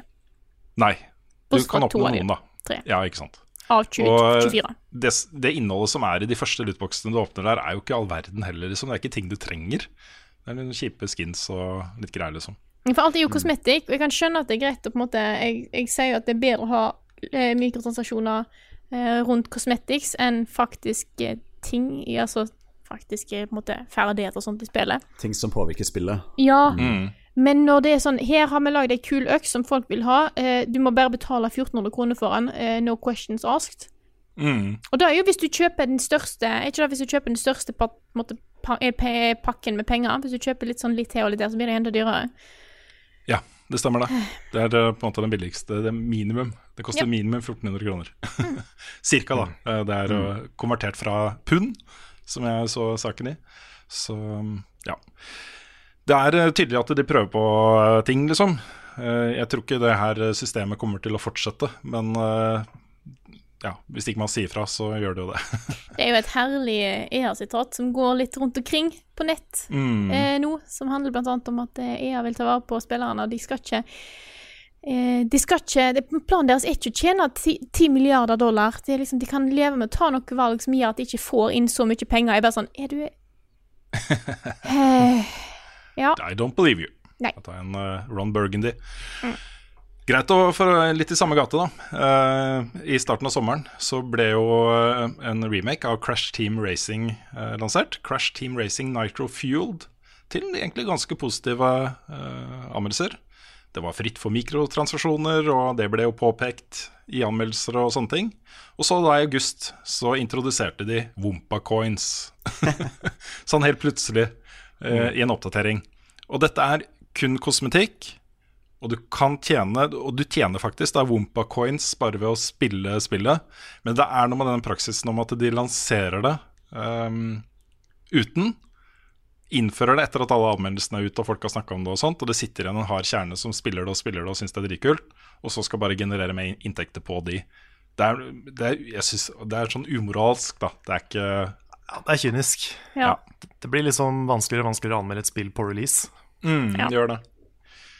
Så nå anmeldte vi da ikke Crash Team Racing i Nitrofield her, så vår anmeldelse er at det er et spill med mikrotransaksjoner, folkens. Bare vær klar over det. Det er det. Så yes. Eh, det har blitt avduka et nytt Need for Speed. Need for Speed Heat heter det. Det kommer 8.11. på PC, PS4 og Xbox One. Um, og det ser ut som Need for Speed Underground. Også en ny versjon av Underground. Edgy, uh, Living on the Edge uh, osv. Ja, Veldig vanskelig å si noe om, uh, om selve gameplayet, fordi de beste spillene i den serien her har jo hatt en helt utrolig herlig sånn arcade racing vei- og bilfølelse. Vært kjempegøy å kjøre de bilene. Uh, ordentlig morsomme races og, og sånne ting. Og her har du også da eh, customization av biler, som også eh, var ganske stort med underground-spillene. Så det kan hende at det er inne på noe. Men jeg blir jo litt sånn Jeg tror nok målgruppen er en del yngre enn oss. Um, sånn kanskje 14-15. At de syns det er litt kulere med den ja, Kjøre fra purken og, og sånne ting, liksom. Leve et, et eh, liv som lovløs i bil. Eh, Det er et herlig sitat fra traileren. Eh, hvor det er en dame da som eh, liksom snakker om hvor edgy disse folka er hele tiden. Og det siste hun sier, er um, uh, If you catch fire, run. You'll burn faster. Oi, oi, oi. Wow. Det, Det betyr jo ingenting. det betyr ingenting. Nei. Nei. Er det sånn ild funker? Hvis du springer med en pinne som brenner, så brenner den fortere? Ja, Du tilfører oksygen. Ja, du kan gjøre det. Hvis du springer for fort, så fjerner du for mye Så Ja, kan for det være at du blåser den ut, men i Ja, teorien tilfører det mer oksygen. Så det er et, det er et vitenskapelig korrekt statement. Ja. Det er det. Ja. Ok. Så Frida approves. Yes. Mm. Yes. Ikke Greit. den- Ja, ja. Nei. Ja. Um, THQ Nordic var jo en ren publisher. Nå har de jo begynt å kjøpe opp eh, spillselskaper og uh, spillserier. Rettighetene til forskjellige spillserier og sånne ting. Um, og blant annet så eier de nå uh, Saints Row og Timesplitters. Og der har de nå sagt at det er et nytt Saints Row uh, under utvikling. Det kommer. Uh, ukjent når, men det spekuleres i 2021. Uh, og de har også ansatt en av de som var ansvarlig uh, på teamet som lagde Timesplitters, og så kan han lage et nytt Timesplitters-spill. Det kan bli gøy. Jeg kaster Så- en uh, Ikke dere gjør da, kaster en gullpenn eller noe sånt. Jeg kaster en gullpenn på det Timesplitters-greia. Ja, nice. Ja, for Timesplitters var, og det her er litt sånn søkt eh, sammenligning, men det var Borderlands lenge før Borderlands. Litt den samme tonen og filen og masse guns og customization og co-op og alt det der. Oh, Det var veldig gøy, altså. Oh, det, var- det var jo en åndelig oppfølgeren til Golden Eye på mange måter. For det var mange Ja. av de samme folkene som laga det. Stemmer det? Særlig Timesplitters 2 har veldig, en veldig god plass i hjertet mitt. eh. Mange Mm. multiplayer-teamer på GameCube på det, altså. Ikke sant? Nei, så, eh, så det er spennende. Jeg, jeg vet liksom ikke hvor, hvor salgbar Timesplitters-brandet er i dag. det er ikke sikkert at uh, det er en sånn kioskvelter, men uh, kanskje. Vi, Vi får se hva de gjør. Det har vært gøy om de får til å gjøre noe helt nytt, men med mye av det samme feelingen som de gjorde med Timesplitters back in the day. Mm. Fordi skytespill har jo utvikla seg mye vekk fra den typen spill, egentlig. Ja da. Eh, De har det. Mm. Nå husker jeg ikke når det siste Timesplitters 4 var vel det siste, tror jeg. Jeg husker tror ikke helt når det kom. Det kom ut. Jeg tror treeren var siste. Future Ja, det Perfect. kan stemme det. Det kan stemme det at fireren ble kansellert. fireren ble cancela. Og så Mm. ga de ut Haze, hvis jeg husker riktig, Ja, stemmer. på PlayStation 3, og det var skikkelig dårlig. Jepp. Ah, Ja. Gode gamle dager, ass. Spennende. Uh, og så starter jo Gamescom, denne, det som da faktisk er verdens største spillmesse i publikumstall. Det starter på mandag med eh, sånn pressekonferansedag, og så er det businessdager på tirsdag og onsdag, og så tror jeg det åpner da for publikum på eh, torsdag. Men det er mulig jeg husker feil der. Eh, men uansett, da. eh, mandag kveld så er det jo tre pressekonferanser som det kan være interessant å følge med på. Eh, Den, ene starter, den første starter klokka 18.00 norsk tid. Det er Inside Xbox. Der er det bl.a. lova mer Gears, men eh, det kan jo dukke opp helt nye ting der også, som er spennende. Eh, Klokka 19, også en time etterpå, så er det Google Stadia. Og det er jo mange, Manges øyne er retta mot Google og lanseringen av Stadia senere høst, så det kan bli spennende. Og så er det da Opening Night Live med Jeff Keeley klokka 20.00. Og den Opening Night Live er jo nå branda som en sånn her E3-pressekonferanse. Med masse announcements og svære publisher og nye trailer og osv. Um, så, så vi får se. Ja. Jeg tror i hvert fall spilluka uh, neste uke blir bra. håper det. Jeg håper det. Jeg er jo jeg er spent på om Microsoft er såpass langt i løpet nå at de begynner å trykle ned litt mer eh, detaljer rundt neste Xbox. Mm. På Scarlett, ja. Yes. Eh, vi får se. Jeg er litt sånn 50-50 på den. Jeg føler ikke det er helt sikkert. Nei, jeg tror det kommer med seinere, senere, altså. Uh, kanskje. Jeg tror det fort kan skje her, altså. Men konsollen kommer uansett ikke før neste år. Det kan være at de fremdeles prøver seg på en sånn detaljvideo som de kjørte på E3. Mm. Så Kanskje. mange teraflops og så mange Ja, sånne veldig glade developers som prater. Mm. Yes, Nei, men Det er spennende. Det er gøy at det skjer noe. Det har jo vært ganske stille sånn nyhetsmessig de siste ukene og par månedene, så det er gøy at det begynner å skje ting igjen. Ja, altså det, er, alltid stille på sommeren. Jeg føler det har vært veldig stille i år. Ja, det har vært ganske stille. Ja, Det er fordi at du har vært fortapt i en annen verden. Det vet du ikke. ja, kanskje, det det, kanskje det er Final Fantasy 14. Altså. Mm. Så er det bare en kjapp eh, liten sak som jeg tenkte å ta helt til slutt. Eh, og det er rett og slett fordi jeg vil at folk skal uh, uh, få med seg det spillet her. Det er eh, viktig for meg. Gris kommer til IOS den 22. august. Oi, Ah. kult. Mm, og det er et spill som egner seg godt til touchskjerm. Så dette kan bli en utrolig flott mobil- og eh, iPad-opplevelse også. Så Hmm. yes.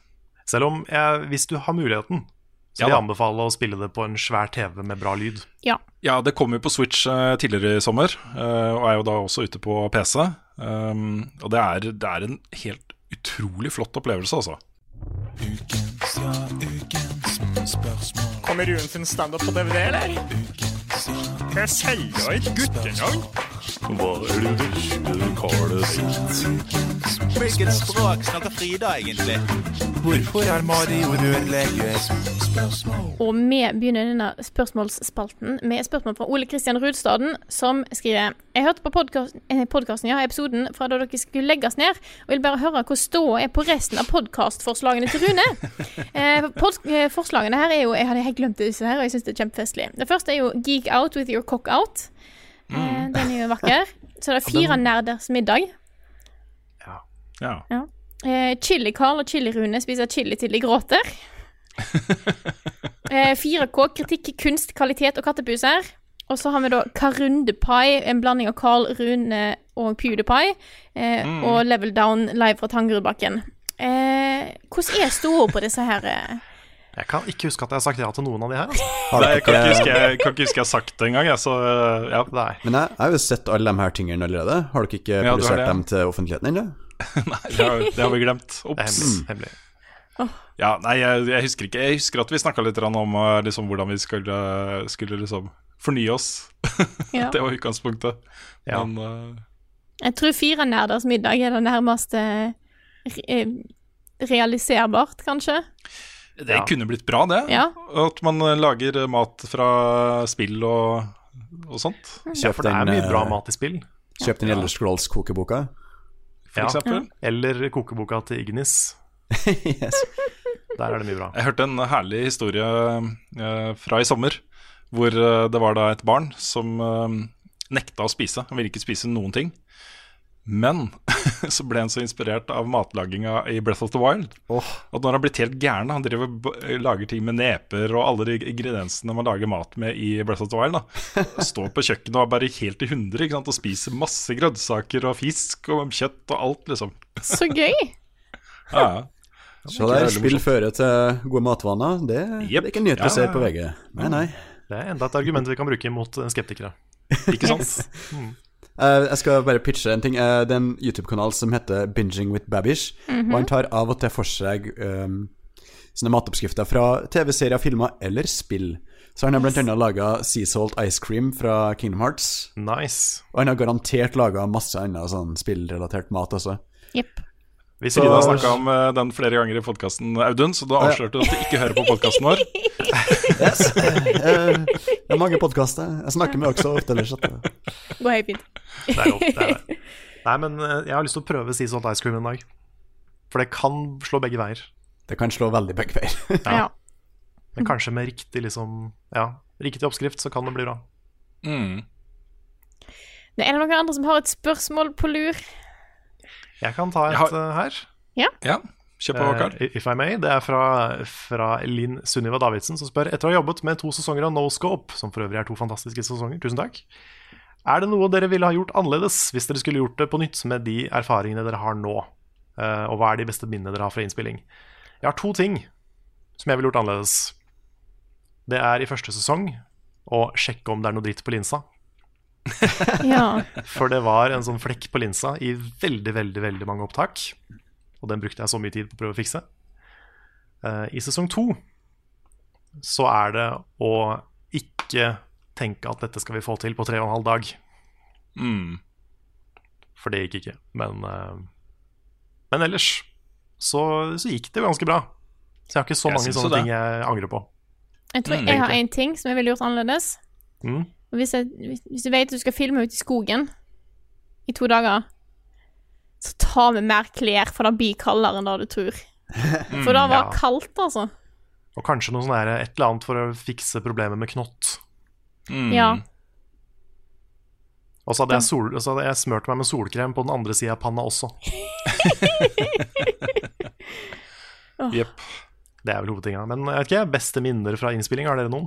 Det, for meg så er det bare generelt da å være sammen og finne på ting. Mm. Mm. Det er så sjelden vi kan samle hele gjengen. Ja, Mm, enig. jeg er enig. Det er liksom de, når vi var ferdige med å filme, kunne liksom slappe av på kveldene. De kveldene vi kunne slappe av. Mm. Og liksom dra i dyrehagen og liksom stikke ut og spise, og det var veldig koselig. Mm.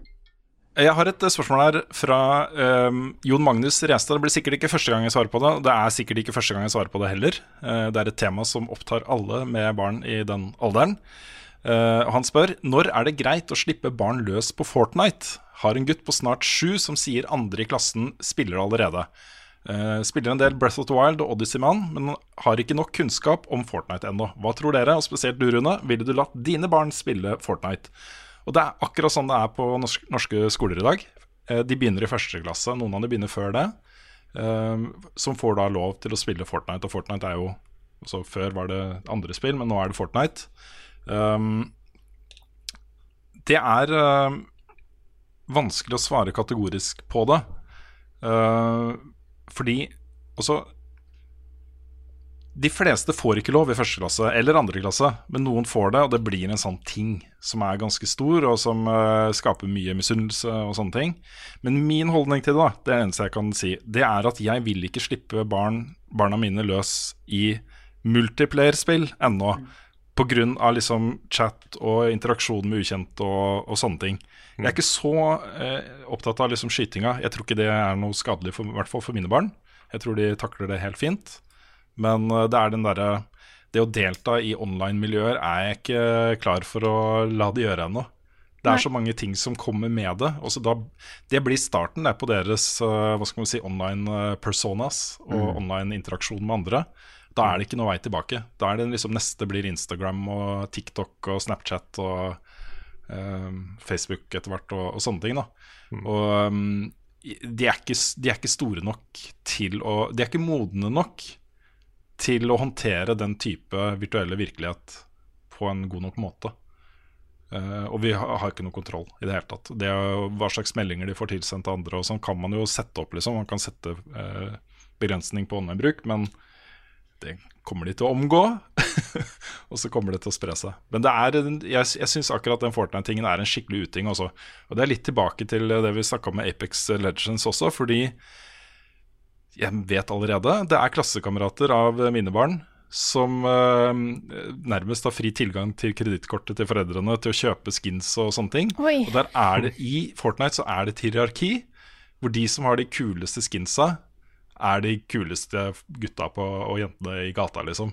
Selvfølgelig. Det er, blir liksom press da på å liksom være oppdatert uh, på det der. Så jeg er liksom den, hele den biten, mikrotransaksjoner og sosial interaksjon og uh, chatting og teksting og sånne ting som gjør meg mest stressa, det er um, ikke skytinga. Så, um, så lykke til alle som har barn i den alderen nå. Det her er en krig som akkurat har begynt, og som kommer til å vare til de er sånn 13 13-14, tror jeg. Så ja. Så har han nå. Ja. Det de burde gjort, var å lansere en sånn Fortnite Parent Edition, eller sånn. Hvor Mm. du kunne liksom, det var ikke mulig å skru på voicechat, eller noe sånn Det var bare liksom spillet. Ikke noe mulighet for kommunikasjon. Og for å låse opp den andre versjonen, så måtte du liksom ha passord eller et eller annet, da. Vet ikke om det fins noe sånt. Nei. Nei, det fins. Jeg har jo eh, Dattera mi har fått eh, sin første mobiltelefon nå. Og jeg brukte jo eh, flere timer på å gå gjennom den og sette opp liksom eh, alderskontroll på eh, forskjellige ting. Og eh, at den ikke kan brukes mellom sånn og sånn på kvelden. Og, Mm. i, ja, du kan, den kan ikke være i bruk da mellom klokka ni på kvelden og åtte på morgenen. Masse sanne ting, da. Men du må virkelig være aktiv der. Og det er mange problemer som oppstår. For eksempel så tenkte jeg at ok, YouTube er skummelt, og det er det. YouTube er skummelt. Det er det. Så jeg installerte YouTube Kids. Men det er jo altså Nei, det er Ja. du, du kan ikke Du kan ikke Ta Netflix, for eksempel. Da. Eh, hvis du tar barneversjonen av Netflix, så ligger jo ikke Pokémon-seriene der. Fordi okay. de har aldersgrense sånn 9, tror jeg. 9 pluss, tror jeg det er på den. OK. Så det er masse innhold som er helt kurant for eh, mine barn, i hvert fall. da Som bare da ikke blir tilgjengelig for dem. Og det gjelder også YouTube. Det er massevis av uh, Let's Plays og sånne ting som da ikke blir tilgjengelig for dem. Og det er uh, da YouTube Kids er, har ikke noen funksjon, og det er ikke noe mening altså, Kanskje for de aller, aller minste, men da skal de jo ikke sitte på YouTube hele dagen heller, liksom. Kanskje det burde vært en sånn kurateringsmulighet til YouTube Kids der du kunne eh, Du kan gå inn på en kanal, og så kan du si eh, sånn Ja, ok, hvis, hvis foreldrene dine sier at det her er greit, så får du se det, og så låses det opp på en eller annen måte. Ja, men det er det. det, er det. Men det, tenk deg den jobben der, da. Også, ja, Ja. ja, greit, du kan gå inn og så godkjenne si tre-fire kanaler som du bruker mest.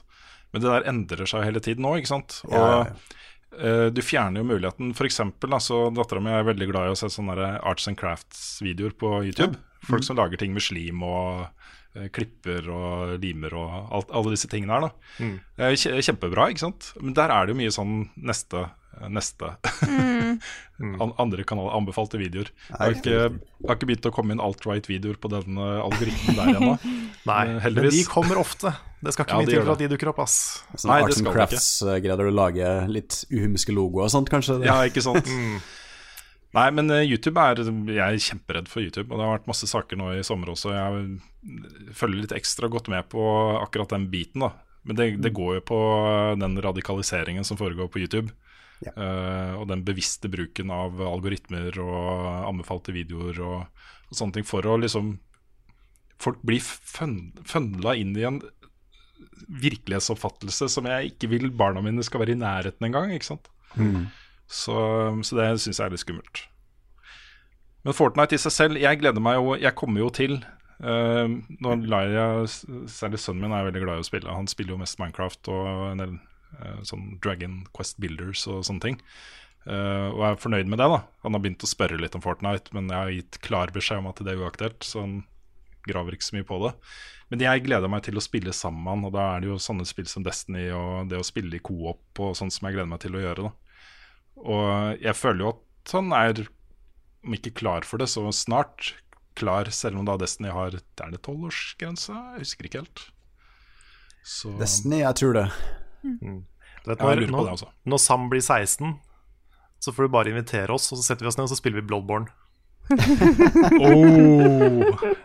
Det er mulig at han får lov litt før det også. Det Ja. spørs litt hvor, uh, uh, ja, hvor moden han er, men eh, Oh yes. Nei, vi tar et spørsmål til. Har du eh, sett et, Audun? Hvis ikke så har jeg et eh, liggende her. Bare kjør, du. Ja, for Vi har fått et spørsmål her fra Jørgen Utmaker, som eh, skriver at han ser at seertallene går gradvis ned på video videoene våre. Hva tenker vi om det? Og så vi var inne og så litt, faktisk. fordi vi var, så, Jeg kan skjønne at det ser, kan se ut til at seertallene endrer seg. Eller har endret seg med tida. Eh, de nyeste anmeldelsene har jo eh, færre views enn de som kom ut for et halvt års, et års tid siden. Eh, men du så på statistikk, Karl. Ja, altså det er, jo, det er jo sånn på YouTube, og det er litt forskjell på YouTube og sånn det var i VG. Men uh, i VG så var det sånn at hvis en video var mer enn en uke gammel, så var det ingen som sånn. Eh, men sånn er det ikke på YouTube, fordi vi bygger opp views hele tida. Så vi kan jo plutselig få beskjed om at å ja, nå er den videoen som kom ut for to år siden, passert 10 000 views. ikke sant? Og det er jo en litt annen kultur på det på YouTube. Så det er naturlig sånn at den, jo, lenger, altså, jo lenger det er siden en video kom, jo flere views får den over tid. Men det er, eh, det er også litt sånn bølger på, på liksom seertall. da. Nå går vi veldig inn i sånn her eh, det nitty-gritty her. Men, eh, men det går jo opp og ned. Og det er veldig ofte sånn at på høsten, mot jul, så går seertall opp. Mens på våren så går det litt ned. Og sånn har det vært i alle åra vi har vært indie på YouTube. Så, så det går veldig opp og ned. Men, jeg, men samtidig så er jo, hvis vi setter opp mot f.eks. våren 2017, da, så er vi jo mye høyere nå enn vi var da. Mm. Så um, ja, det er, ikke, det er ikke helt riktig at det har gått ned. Nei, det er ikke riktig. Vi, vi ser jo litt på altså, Noen spill er jo også mer interessante for folk å se en anmeldelse av enn andre, så de tallene varierer jo en del. Uh, men hvis du tar liksom de faste tingene våre Nå er det jo sånn at vår kanal på YouTube vokser ikke i eksplosiv fart, for å si det sånn. Den går sakte, sakte oppover. Har vi sagt eh, 'hallo, 30 000 abonnenter på Ja, vi YouTube'? Ja, runda 30 passerte 000. nettopp 30 000. Det er Ja. sant. Det stemmer. Uh, men da har vi jo ligget på 29 000 en, en stund, da. Ja. Eh, så det er ikke sånn at vi liksom at alle kurver peker bratt oppover, for det gjør det ikke. Uh, men sånn som spilluka og de faste tingene vi lager, har veldig stabile tall. Um, og anmeldelsene, når det er store hotte ting, så går det kjempegodt. Når det er bare sånn helt eh, passe hotte ting, så går det ikke fullt så godt. Sånn, sånn har det hele tiden vært, da. Um, så noen klar nedadgående trend har ikke vi merka, i hvert fall. Så jeg ville bare ta det opp rett og slett fordi at hvis folk er nervøse for seertallene våre, eh, så trenger dere ikke være det. Vi ligger stabilt. Selvfølgelig skulle vi alltid gått mer opp, men vi ligger stabilt. Jeg kan jo si eh, sånn for vår del også, så er det Vi ser jo samme utviklinga, ikke sant. Du, tallene går opp på høsten når de store spillanseringene er, og når det skjer mest i bransjen. Ned på våren eksploderer under E3, og veldig stille på sommeren. Så det er liksom Det er en sånn veldig tydelig kurve som du blir vant med når du har gjort det her noen år. Ja. Eh, En sånn syklus som går igjen og igjen og igjen. Mm. Det er sant. Men så, men det er jo Nei, men- også en liten fordel da, med det å være patronfunda. Det er at vi trenger ikke å eh, jage opp på overskrifter og sånn. Nei, det er godt poeng, Carl. Nei. Uh, og det er litt uh, viktig for oss at ikke vi liksom pusher Fortnite. da At ikke vi uh, skriver sånne massive clickbait-overskrifter med capslock og sånn ring rundt et esel. Hei, hei, ikke diss Fortnite-saken min om esel. jeg har ikke skrevet noen sånn sak. Nei, nei, sorry Audun, det var ikke, var ikke meninga å calle deg ut. Det- Mm. Ja, nei, så, vi, så vi er jo litt bevisst på det òg. Men Mm. uh, vi har jo vært inne på det før, det er jo også en balansegang, det der. At vi, uh, vi også uh, kan bli mye flinkere til å pushe ting mer. Vi kan bli flinkere til å kanskje grabbe attention enn vi er nå. Mm. Det vet vi. Ja. Nei, men det er Ja. Vi Ja, vi er, vi er kanskje ferdig med det. Så jeg har lyst til å ta et Hvis ikke dere har noe, så har jeg lyst til å ta et siste litt lettbeint spørsmål her nå, for å komme litt ovenpå igjen. Mm. Litt sånn fra dette seriøse til litt mer Dette er fra Martin Herfjord, som skriver Hvordan bruker dere tida deres på dass?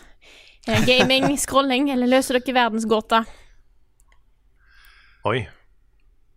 Reddit. Jeg uh, um, Jeg blir eh, oppriktig lei meg hvis jeg har glemt å ta med mobiltelefonen. Ja, samme Ja. sånn, Herregud, nå er det, ti, det er potensielt ti minutter med bæsj, ja, eller og så har du ingenting. Eller mer. Ja. Mm. Nei, altså, nei, det er kanskje, kanskje litt for ærlig, men jeg, Tinder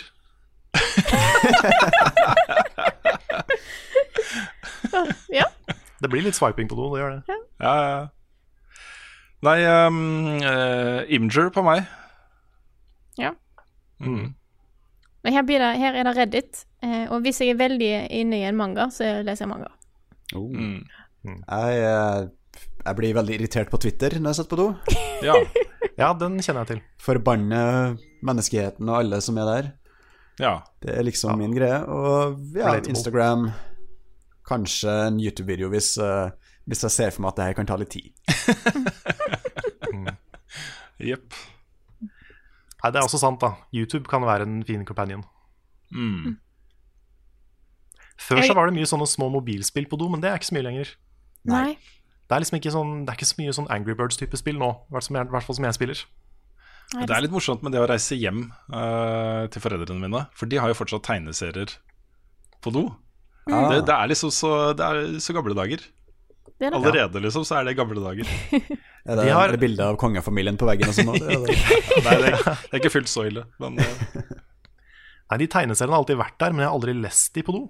nei, det gjorde jeg i gamle dager. Ja, jeg Nei, jeg har bare, de har vært en sånn prop for meg, som bare har vært der. Jeg har bare aldri brukt de. Mm. Det, det hendte at det var litt Se og Hør da jeg var liten. Men det er nok det. Mm. Og med våre dovaner så tror jeg vi tar runde av den podkasten her. Eh, Ja. Yeah. Så jeg har først lyst til å si tusen takk til alle dere som støtter oss på Patron. Dere er fantastiske folk. Og hvis dere Så kanskje, kanskje det er dine Hvis du har sett oss melding på Patron, kanskje det er dine meldinger jeg sitter og leser mens vi er på do. Vi sitter og scroller gjennom på jeg måte, ser på alle de flotte Patron-backerne våre mens vi er på do. Mm. Eh, så tusen takk til alle dere. Dere er fantastiske folk. Uten tvil. Og så må vi si takk til Audun, som er- kom og var gjest i podkastene våre i dag. Det er jo kjempehyggelig. Mm. Yes. Veldig hyggelig. Snart skal vi se henne hver dag. Ja, kanskje Oh, kanskje yes. ikke hver dag, da, men nesten hver dag. det blir Nei, veldig det hyggelig, gøy. altså. Det er jo gøy med podkaster, så jeg blir gjerne Mm. med mer, jeg. Ja, herlig. Kan Jeg også si det at vi har, eh, vi har jo snakka om trenger ikke avsløre noe ennå, men vi har snakka om at vi eh, kanskje viderefører Genovas vitner-podkasten vår til nye ja. spillserier. Ja, det er kult. Så skal ikke se bort fra at det kommer noe mer der etter hvert. Kult. Ja, herlig. Og så vil jeg jo legge til da, at, at øh, det, jeg kanskje gleder meg mest til øh, med dette samarbeidet med dere, Audun, det er jo å sitte sammen med dere. Altså, jeg kjenner Ja, ja. jo øh, både deg og Erling og Tor Steinar godt fra før. Mm. Uh, fine folk, liksom. Bra folk. Ja, Uh, kan bli ordentlig hyggelig. Det er uh, akkurat samme. Det var det jeg sa i starten òg, at jeg gleder meg til å få flere folk på kontoret. Mm. Få flere å, å snakke med litt med og spyttbolle litt med og, og ja Diskutere både ting som skjer i norsk spillbransje og i, i internasjonal spillbransje, og, Mm. og hva vi gjør, og hva vi kan gjøre sammen. Og hver Ja, det blir helt herlig. Blir veldig bra. Så det er mye bra som kommer på kanalen framover, selv om 71 grader Noscope er ferdig. Sesong to har de premiere på mandag. Det er sant. Det kommer, det kommer, kommer flere videoer. Det gjør det. Jeg kan jo også plugge, siden vi, vi er ikke så gode på å plugge Patron bestandig. Nei. Men, men stay tuned, dere som backer oss på Patron med fem dollar eller mer, for der kommer det bakomfilmer. Det kommer Ja. også tabbefilm fra 71 grader nonskap. Hvor mange timer med bakomfilm var det du hadde, Carl? Jeg kan godt si det. Ja, det er sånn. Eh, For, jeg skal jo, for det første skal jeg jo se gjennom alle opptaka, fordi det er mye eh, quote unquote bakomfilm i de. Sånn eh, fra vi trykker på rekk til vi faktisk sier det vi skal si på film. Mm. Eh, så det skal jeg se gjennom, som er noen titalls timer. Men det er også seks timer med rein bakomfilm. Filma med mobilkameraer. Ikke sant? Alle sammen har med hver sin mobil filma litt her og der. Ja, Så det blir jo ikke, det blir ikke seks timers bakomfilm. Nei. Det skal jo klippe, klippes kraftig ned, men det blir mye Mm. bakomfilm. Kult. Det gjør det. Det gleder jeg meg veldig til å se, altså. Det blir, det blir veldig bra. Kanskje vi skal ha sånn bakomfilm viewing party når vi er ferdig? Ja. Det hadde vært kult. Samle gjengen. Ja. Vi får se. Og så har jeg et innslag som kommer kanskje en eller annen gang til YouTube-kanalen nær deg, men det er skrevet. Det er Det var, det var et høyt løfte som kanskje en eller annen gang. Det er, sk- jeg har skrevet det, og jeg har, brukt, jeg har brukt mye tid til å tenke på dette, så det kommer. Jeg bare Mm. vil ikke si når, men det kommer. Og det er Mm. et sånn klassiker-ish. Nice. En klassiker-ish. Så jeg vet ikke helt hvor jeg skal forundrings... Hmm. Mm. Hva kan det være, da? Det kan du tenke på mens du sitter på do. Yes. og med da så sier jeg tusen takk for oss. Takk for at du hørte på denne episoden her av Level Backup, og så snakkes vi igjen neste uke.